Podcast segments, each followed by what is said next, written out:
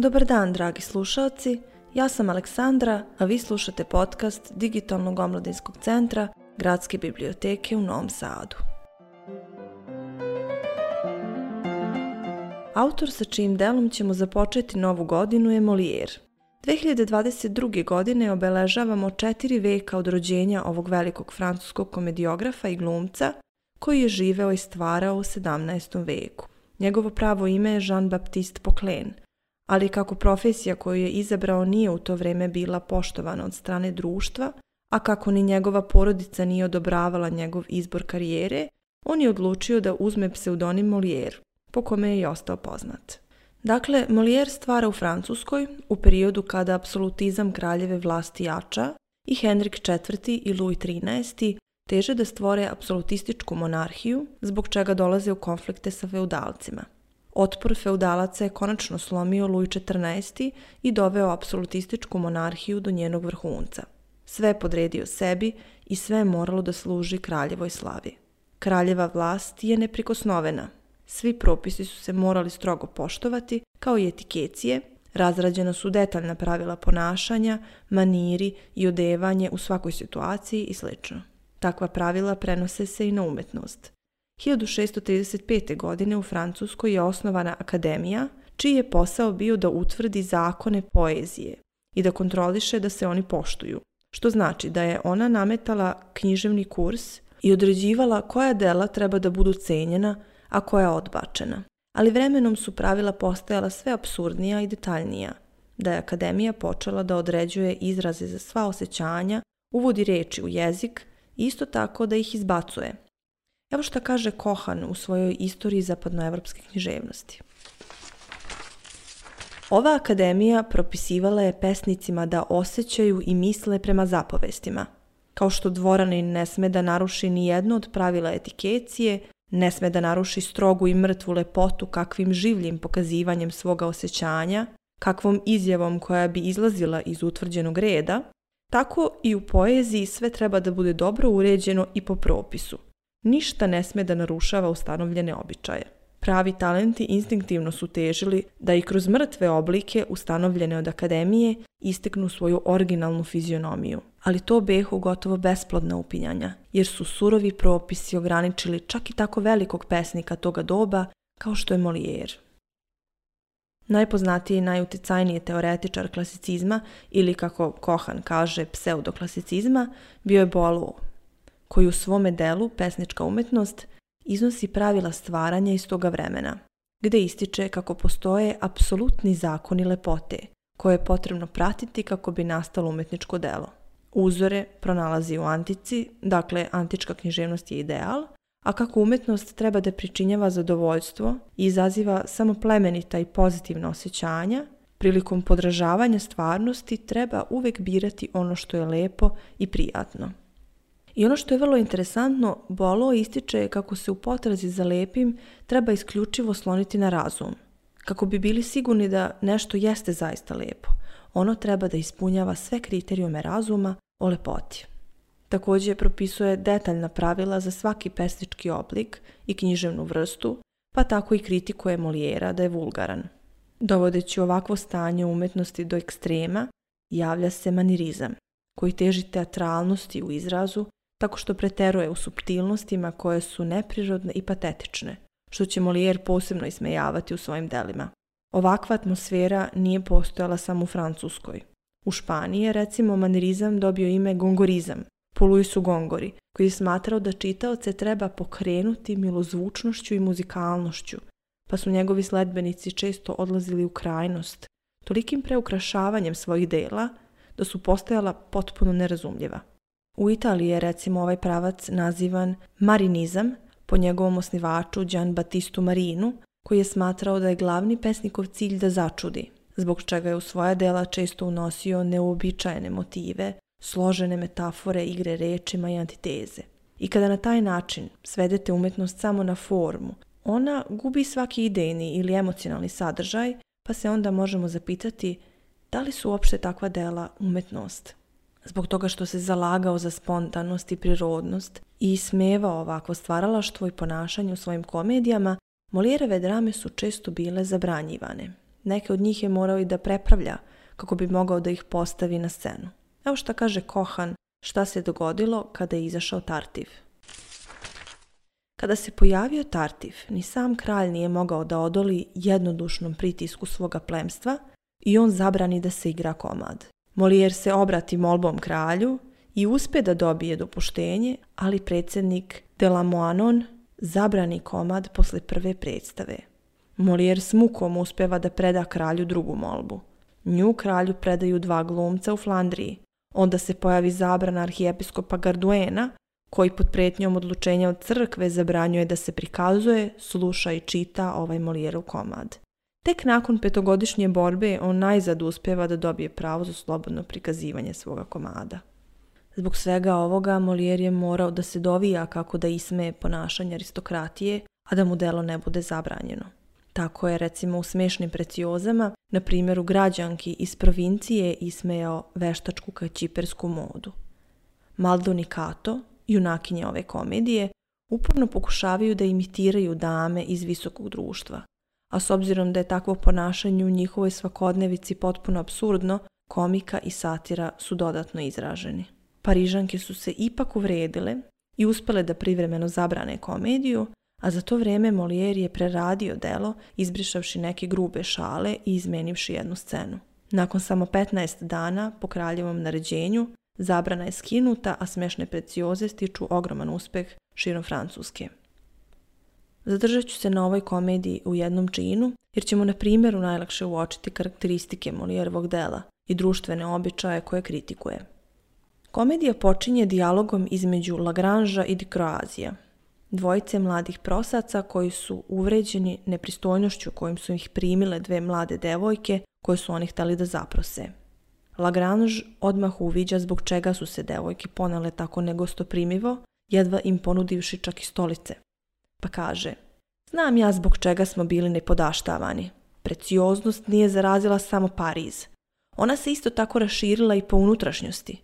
I naše smešne gospojice su je dobro srknule. Jednom reči, njihova ličnost je mešavina precioze i kaćiperke. Vidim ja šta treba čovjek da bude, pa da je lepo primljen. Zbog ovakvog ponašanja devojaka, njih dvojica odlučuju da im se osvete i da im pokažu njihovu naivnost i glupost.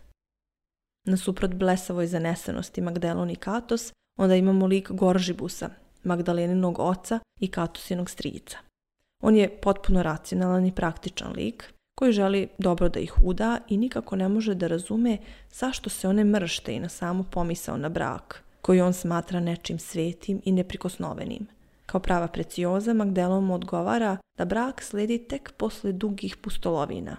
Evo šta kaže. Brak uvek treba da ide iz čitavog niza događaja. Treba zaljubljeni da ume da se dopadne, da može da saopšti svoja uzvišena čuvstva, svoju nežnost, delikatnost, strast i da njegovo udvaranje ide prema primljenim formama.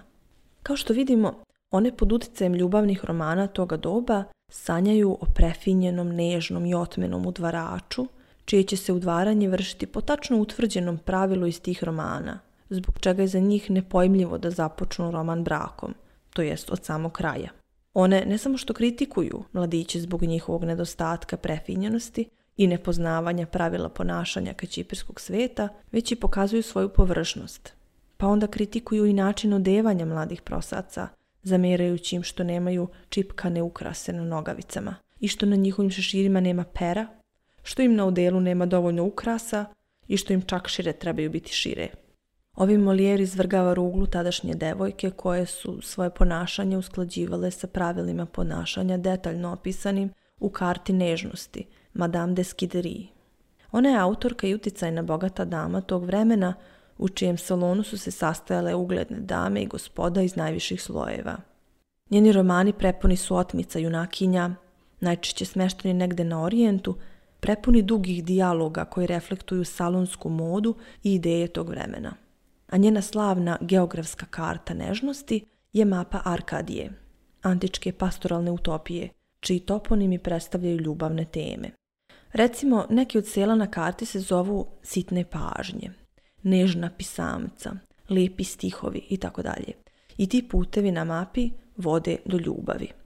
a ako skrenete sa puta mape, možete završiti na jezeru ravnodušnosti. Ako vas zanima kako je ta mapa izgledala, možete da potražite Map of Tender. Meni je čitav taj koncept bio vrlo interesantan, jedan istorijski kuriozitet i bez obzira na Molijerovu kritiku površnosti i banalnosti svega toga, što je iz ugla njegove istorijske stvarnosti naravno legitimno, ali isto tako danas te mape iz feminističke perspektive ipak imaju značaja jer pokazuju političku i kulturnu nezavisnost tih salonskih dama. Ali Magdelon i Katos ovu mapu shvataju previše doslovno. U svojoj suludoj želji da se što više približe idolima i uzorima iz ovog i sličnih priručnika i knjiga toga vremena, Magdelon i Katos su poželele i da prominu svoja dosadna i svakodnevna imena u neka prefinjenija, koja bi bolje odgovarala njihovom prefinjenom duhu. I samim tim se bolje uklopila u ideal kako treba da izgleda i ponaša se jedna dama koja se vodi pravilima uzvišenog stila.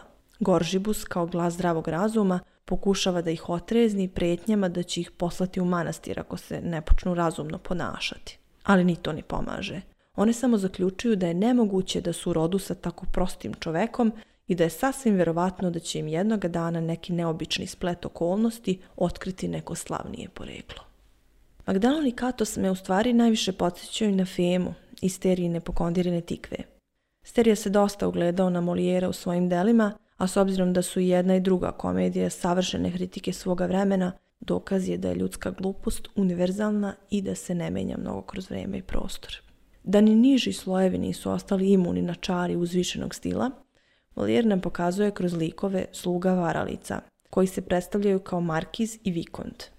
Oni dolaze u posjetu Magdelon i Katos i zahvaljujući njihovim lažnim titulama najtoplije su primljeni, za razliku od Lagranža i Dikroazija. Razgovor između četvoro precioza Molijer iskorištava da nam pokaže komiku njihovog kitnjastog i neprirodnog izražavanja. Pa tako stolice Magdelon naziva udobnosti za razgovor, ogledalo savjetodavcem draži, a uzvišeni je mozak. Kada sluškinja najavi da je došao jedan sluga koji pita da li su gospodice kod kuće, jer njegov gospodar želi da ih poseti, Magdelon je užasnuta njenim prostačkim izražavanjem i govori joj. Kažite, došao je jedan neizbježni koji pita da li ste u okolnostima da budete vidljive. Kada Katos ponudi Maskarija da sedne, ona mu govori, ali molim vas, gospodine, ne budite neumoljivi prema ovoj naslonjači koja vam širi ruke već četvrt časa. Zadovoljite malo njenu želju da vas zagrli. Nisam imala priliku da gledam ovu dramu u pozorištu, ali bih voljela da čujem ove rečenice na sceni. Zaista su fenomenalne. Kada se Magdelon i Katos požale Maskariju kako u Parizu još uvijek nisu poznate, ali da žele da pripadaju otmenom društvu, i da budu one te koje će među prvima da saznaju ako je neko nekome izjavio ljubav, napisao pesmu i uopšte da budu u toku svakodnevnih dešavanja visokog društva, Maskari im obećava da će ih upoznati sa najfinijim duhovima Pariza i usnovati kod njih jednu akademiju finih duhova, tako da se u Parizu neće sastaviti ni najmanji stih, a da one u to ne budu upućene. Ovdje pisac ismejava popularne salone velikih dama toga vremena, gdje se navodno cenila umetnost, učenost, uzvišen duh, ali dok ih ismejava, Molière dovodi u pitanje njihov autoritet i njihovu kompetenciju, podvlačeći izveštačenost, neiskrenost i pritvornost koja je najčešće vladala u ovakvim salonima, jer su njihovi članovi zapravo samo žudali da budu u centru pažnje i u centru događanja i prvi saznaju zapravo najnoviji trač. Molijer se kroz lik Maskarija također podsmeva samoprozvanim umetnicima koji se hvale velikim brojem pesama, soneta, epigrama i madrigala koje su napisali, a koji su bili visoko cenjeni u salonima. Takvi samoprozvani geniji su smatrali da su virtuozi u svim oblicima umetnosti, da stvaraju izuzetne portrete i pozorišne komade i da imaju takvu oštrinu duha da pišu najbolje zagonetke. To je recimo ismejavano kroz lik Maskarija koji kada se pohvali da je smislio melodiju za svoje stihove, Katos ga pita da li je učio muziku. Na što on odgovara da nije, jer plemići znaju sve, iako nikada ništa nisu učili. Ovakvi kvazi učenjaci ismijani su i kroz lik Trisotena u učenim ženama. Radnja smješnih precioza kulminira dolaskom Lagranža i Dikroazija koji raskrinkavaju Maskarijevu žodleovu prevaru, govoreći kako su to njihove sluge koje su obukle njihovu odeću i lažno se predstavile. Magdelon i Katos, koje su do sada hvalili i divile se svakoj Maskarijevoj žodleovoj reči, više ne žele ni da ih pogledaju, a Maskari onda zaključuje. Eto šta vam je svet, najmanja nemilost i preziru nas oni koji su nas voleli. Vidim da se ovdje voli samo tašta, spoljašnjost i ne ceni sama zasluga. Drama se završava posljednjom Goržibusovom replikom u kojoj on grdi Magdelon i Katos i proklinje sve one koji su bili uzrok takvog njihovog ponašanja. Poslužit ćemo kao priča i podsmeh celome svijetu, a to ste navukli na sebe svojim preteranostima. Idite i sakrite se, gadure, sakrite se zauvek. A vas, što ste uzrok njihove ludosti, glupe koštarije, kobna zabavljanja besposličarskih duhova, romani, stihovi, pesme, soneti i sonetčići, neka vas nose svi vragovi. Međutim, pisac se tu ne zaustavlja sa svojom kritikom francuskog društva. U dramama Škola za muževe i Škola za žene kritikuje licemerstvo patriarhalnog muškarca koji gleda na ženu kao na svoje vlasništvo i koji od buduće supruge zahteva da bude pokorna, smerna, posvećena, skromna, bez ikakvih ličnih težnji ili zahteva. Likovi u tim komedijama čak drže svoje verenice zatvorene, kako ih spoljašnji svet ne bi iskvario, što je potpuno bizarno i naravno apsolutno bezuspešno. U svom najpoznatijem delu, Tartif, na oštrici kritike nalazi se lažna pobožnost jezuita, ispod koje se krije licemerstvo, vlastoljubivost, razvrat i prevara. Ono što tip Tartifa čini još strašnijim jeste njegova snalažljivost i veze koje ima u društvu, u dvoru, u administrativnim krugovima i sl. Zbog čega nam je jasno zašto je ovaj komad toliko zabranjivan. Molijerov Don Juan je pak kritika razvratnih plemića koji su zaboravili na moral i za koje pravila ni društva, zakona ni pristojnosti ne važe. A kroz monologe Don Juana vidimo da je njegova okolina još razvratnija.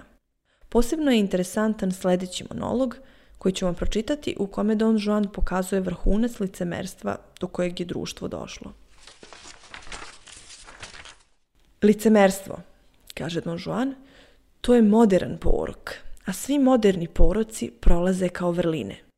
U današnje vrijeme uloga čoveka sa vrlinama najblagodarnija je od svih uloga, a zanat licemera najzgodniji od svih zanata. Ljudski poroci su dostojni osude i nikome nije zabranjeno da ih otvoreno napada, ali licemerstvo je privilegovan porok. On zatvara sva usta i uživa bezgraničnu neprikosnovenost. Licemerstvo pruža ljudima mogućnost da se pažljivo čuvaju jedan od drugoga. Dotakni jednoga, izazvaćeš sve. Namere licemera mogu da se otkriju, mogu da se prstom ukažu, ali oni pored svega ne gube poverenje društva. Dovoljno je da obore glavu, da smireno uzdahnu, da podignu oči gore, pa da okolina pređe mirno preko sve njihove zlobe. Ja se proglašavam čuvarom društvenog morala. Ni kome nemam da kažem dobru reč i na presto vrline izdignuću samog sebe. Ja ću da postanem zaštitnik nebeske čistine i pod tim blaženim vidom počeću da gonim svoje neprijatelje da ih ukrivljujem za nemoral i da izazivam protiv njih brbljive surevnjivce, a oni će već učiniti svoje. Razglasit će po svim raskrsnicama, obasuće ih blatom i sami će nad njima izvršiti sud. Eto kako treba da se koristi ljudskim slabostima i eto kako može sa malo pameti da se prilagodi slabostima svakog vremena. Dakle, Don Juan kao predstavnik najgoreg tipa ljudi svog vremena uviđa moć licemerstva u svom okruženju i upravo uz pomoć njega odlučuje da se zaštiti, iskoristivši slabosti svih ljudi oko sebe. I to kako? Tako što će on sada da se prividno pokaje i sebe prozove čuvarom društvenog morala i sa te visine onda da kudi i kritikuje sve ostale, a samo sebe uzvisuje jer je samo on pun vrlina. Jer kako kažu, napad je u stvari najbolja odbrana. Tako da prividna uglađenost Uredna odeća po posljednjoj modi i maniristički kitnjasto izražavanje su u stvari samo maske ispod kojih se kriju svi poroci licemernog društva koje Molijeru svojim komedijama ismeva. Autor pronalazi komiku u neskladu između stvarnih mogućnosti ličnosti i njenih pretenzija, želja i na kraju postupaka.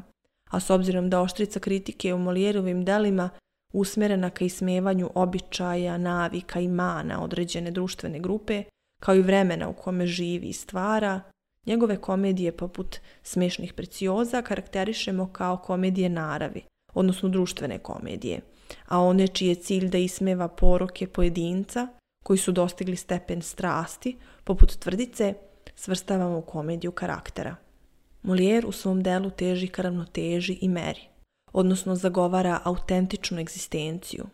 Iz tog razloga kritikuje sve one koji je ne slede, poput lažnih lekara, lažnih učenjaka, lažnih puritanaca i njima onda suprostavlja jednostavnost, spontanost, prirodnost i iskrenu emociju i odatle crpi zapravo komiku svojih dela.